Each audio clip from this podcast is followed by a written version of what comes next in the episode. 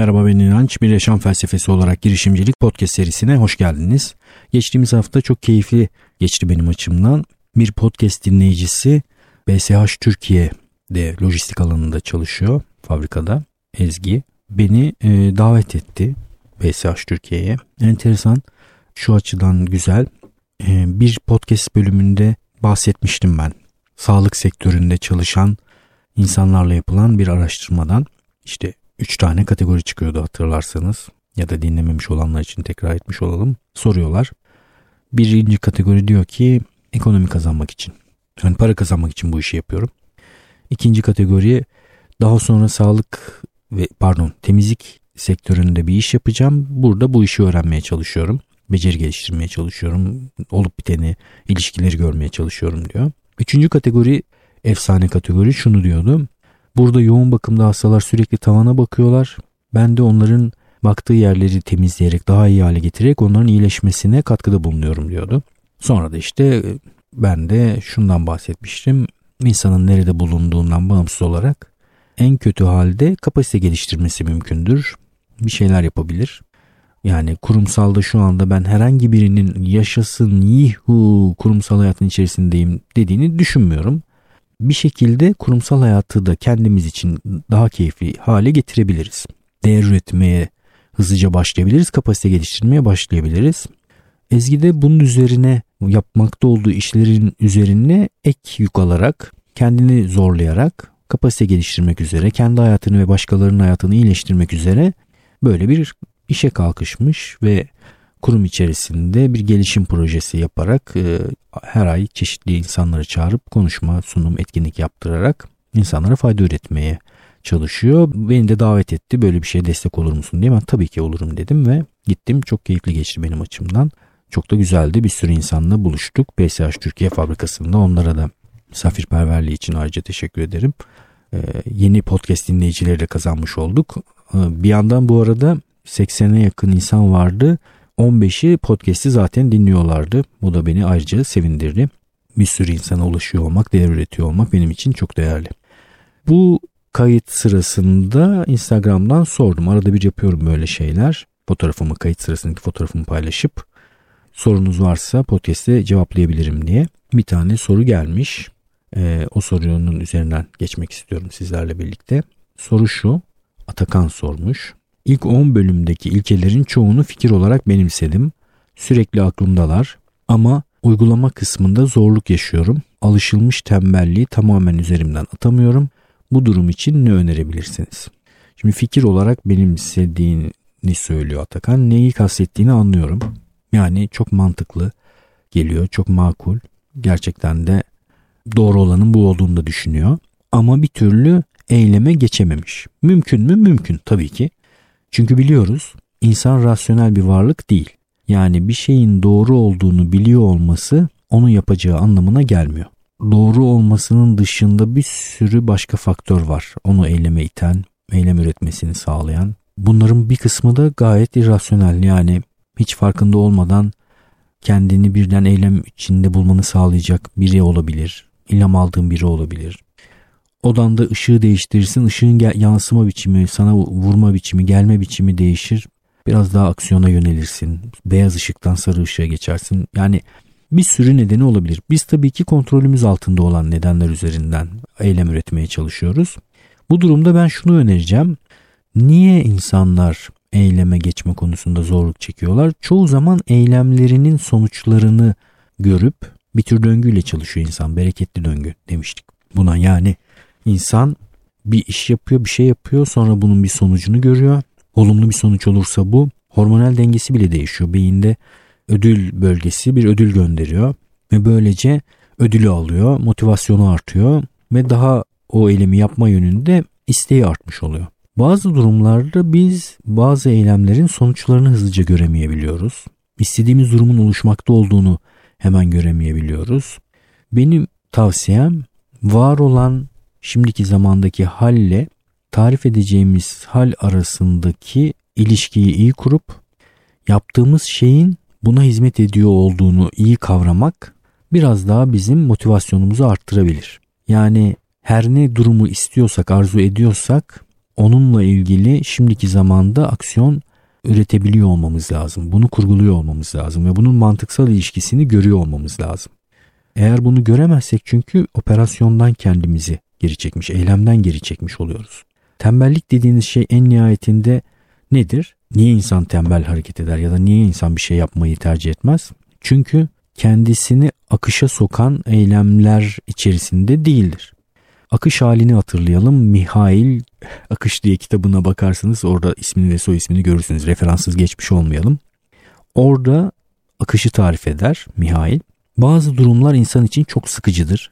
Çok rutin, mekanik bir takım işler yapıyordur. Herkesin yapabileceği basit işleri yapması gerekiyordur. Ne bileyim bürokratik işler mesela bu kategoriye girer. Yapılması gerekir ama çok kolaydır. Bir yandan da hiçbir keyfi yoktur.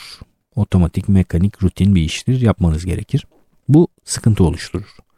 Bir kategori var sizi gereğinden fazla zorladığı için e, aşırı e, rahatsız hissedersiniz. Yani çözebileceğinizden çok daha zor bir matematik problemi verilmesi gibi ya da başarabileceğinizden çok daha zor bir ağırlık kaldırma sporla ilgili bir örnek vermemiz gerekirse yüksek bir performans bekleniyor olması bu da sizi kıracaktır. Akış ne beceremeyeceğim kadar zor ne de aşırı kolay olan bir yandan beni zorlarken geliştiren eylem türleri. Bunları yaparken kendimizi akış halinde hissediyoruz. İnsanlar hayatta aslında akış peşindeler, akışı aramaya çalışıyorlar. Akışı bulamadıkları durumlarda da kendi fişlerini çekiyorlar. Yatıyorlar, uyuyorlar, hareket etmiyorlar.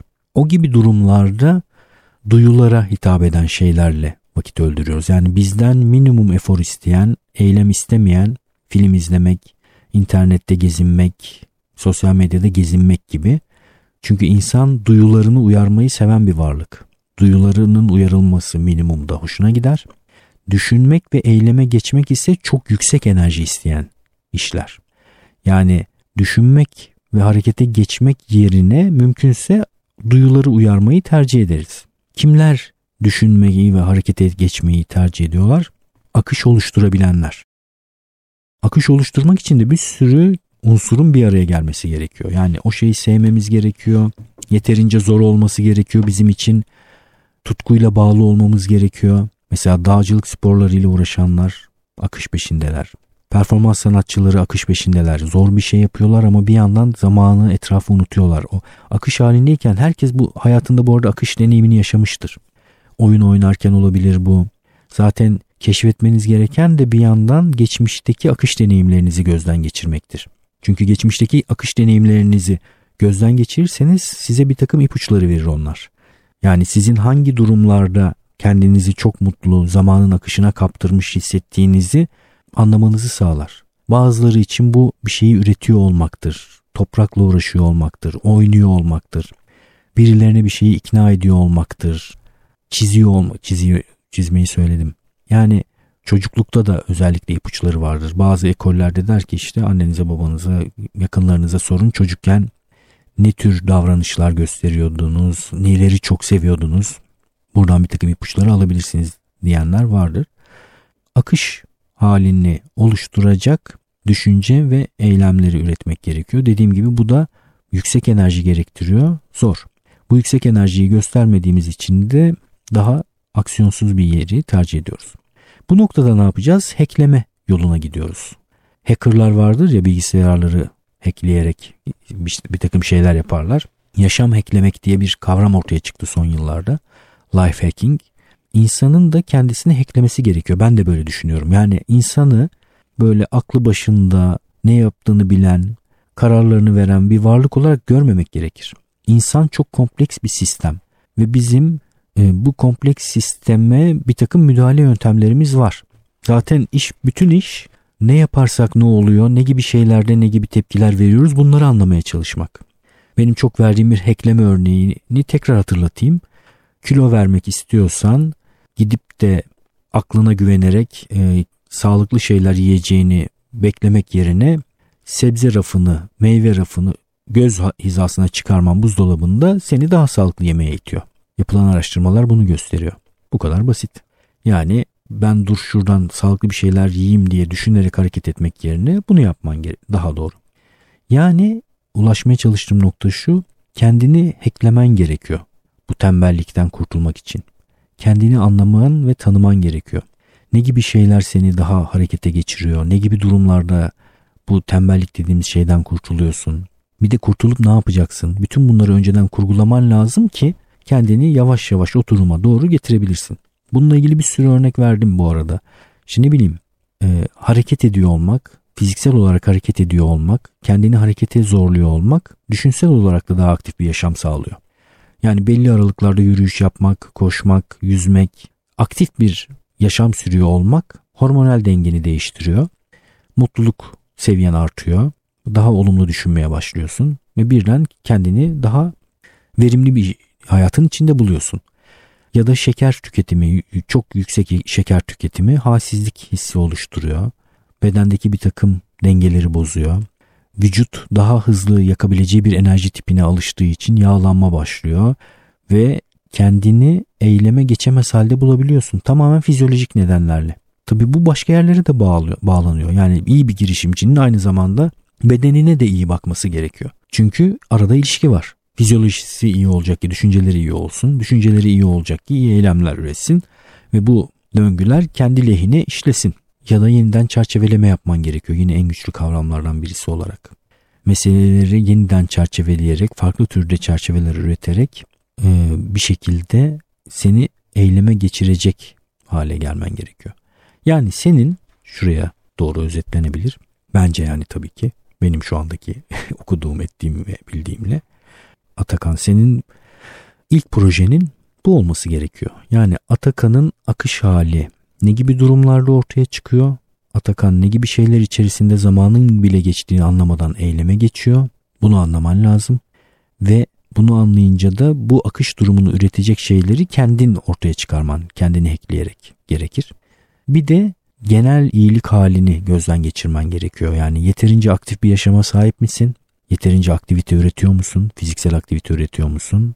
Ve yeme içme açısından da seni sıkıntıya düşürecek bir yeme içme alışkanlığın var mı? Aşırı şeker tüketimi halsizlik oluşturuyor. Gerçekten hareket etmek istemiyorsun ve sen kendini tembel sanıyorsun. Halbuki tamamen yeme içme düzeninle ve aktivite düzeninle alakalı bir şey. O halde ilk yapması gereken şey Atakan'ın kendisini işler hale getirmek. Soru, soruna cevap oluyor mu bilmiyorum ama tembellikten nasıl kurtulacağım? Tembellik yapma demiş oluyorum da hayır tabii biraz detaylandırdım. Sistemi anla, Atakan'ın sistemini anla. Bu sistemi senin istediğin duruma getirecek eylemleri yap. Bunları yaparsan işler hale gelmiş olacaksın. Bir de tabii ki şimdiki zamanınla gelecek zaman arasında bir mantık köprüsü kurarak yaptığın işlerin de nereye gittiğini, neye yaradığını, nereye bağlandığını bil ki ona göre bu işleri yapıyor olmanın da bir anlamı olsun. Heves üretiyor ol. Bir başka faktör birileriyle birlikte bir arada ol. Bir takım işlere birlikte gir. Seni bir şeylere iten birileri olsun. Mesela Hakan Akben, Hasan Başusta tekrar isimlerini almış olayım burada. Efsane dijital pazarlamacılar birlikte koşuyorlar. Başka arkadaşları da var tabii ki ama benim tanıdığım ikisi olarak onlar. Çünkü tek başına koşmak, koşuyor olmak, bu koşma eylemini yürütüyor olmak zor. Bir ekiple birlikte koşuyorlar, birbirlerine destek oluyorlar. Bu yakın dönemlerde ben de koşmaya başlamak istiyorum. Bana da dedi mesela Hakan. Gel birlikte koşalım. Ben de dedim ki önce biraz kendi bir toparlayayım şu anda. Yanınızda çuval gibi patates çuvalı gibi yığılır kalırım. Bu arada çok güzel. Güvendiğim bir insan olarak Hakan o alanı çok iyi çalışmış olduğu için hemen Hakan'a sorularımı sordum. Hangi ayakkabıyı alayım Hakan? Tık tık tık iki tane bana model ve şey söyledim, marka söyledim. Tamam eşofman kurtarır mı? Kurtarmaz abi. Şunu şunu giyeceksin. Şu şu onu söyledi hemen ne giyeceğimi söyledi. Sonra dedi biraz daha para ayırmak istersen kalp ritmini ölçebileceğin saatler var, cihazlar var. Şunları şunları alır, alırsın. Bir de bize katılırsın dedi. Böyle efsane bir şekilde benim koşuya başlama, başlamakla ilgili önümdeki bir sürü engelde kalkmış oldu.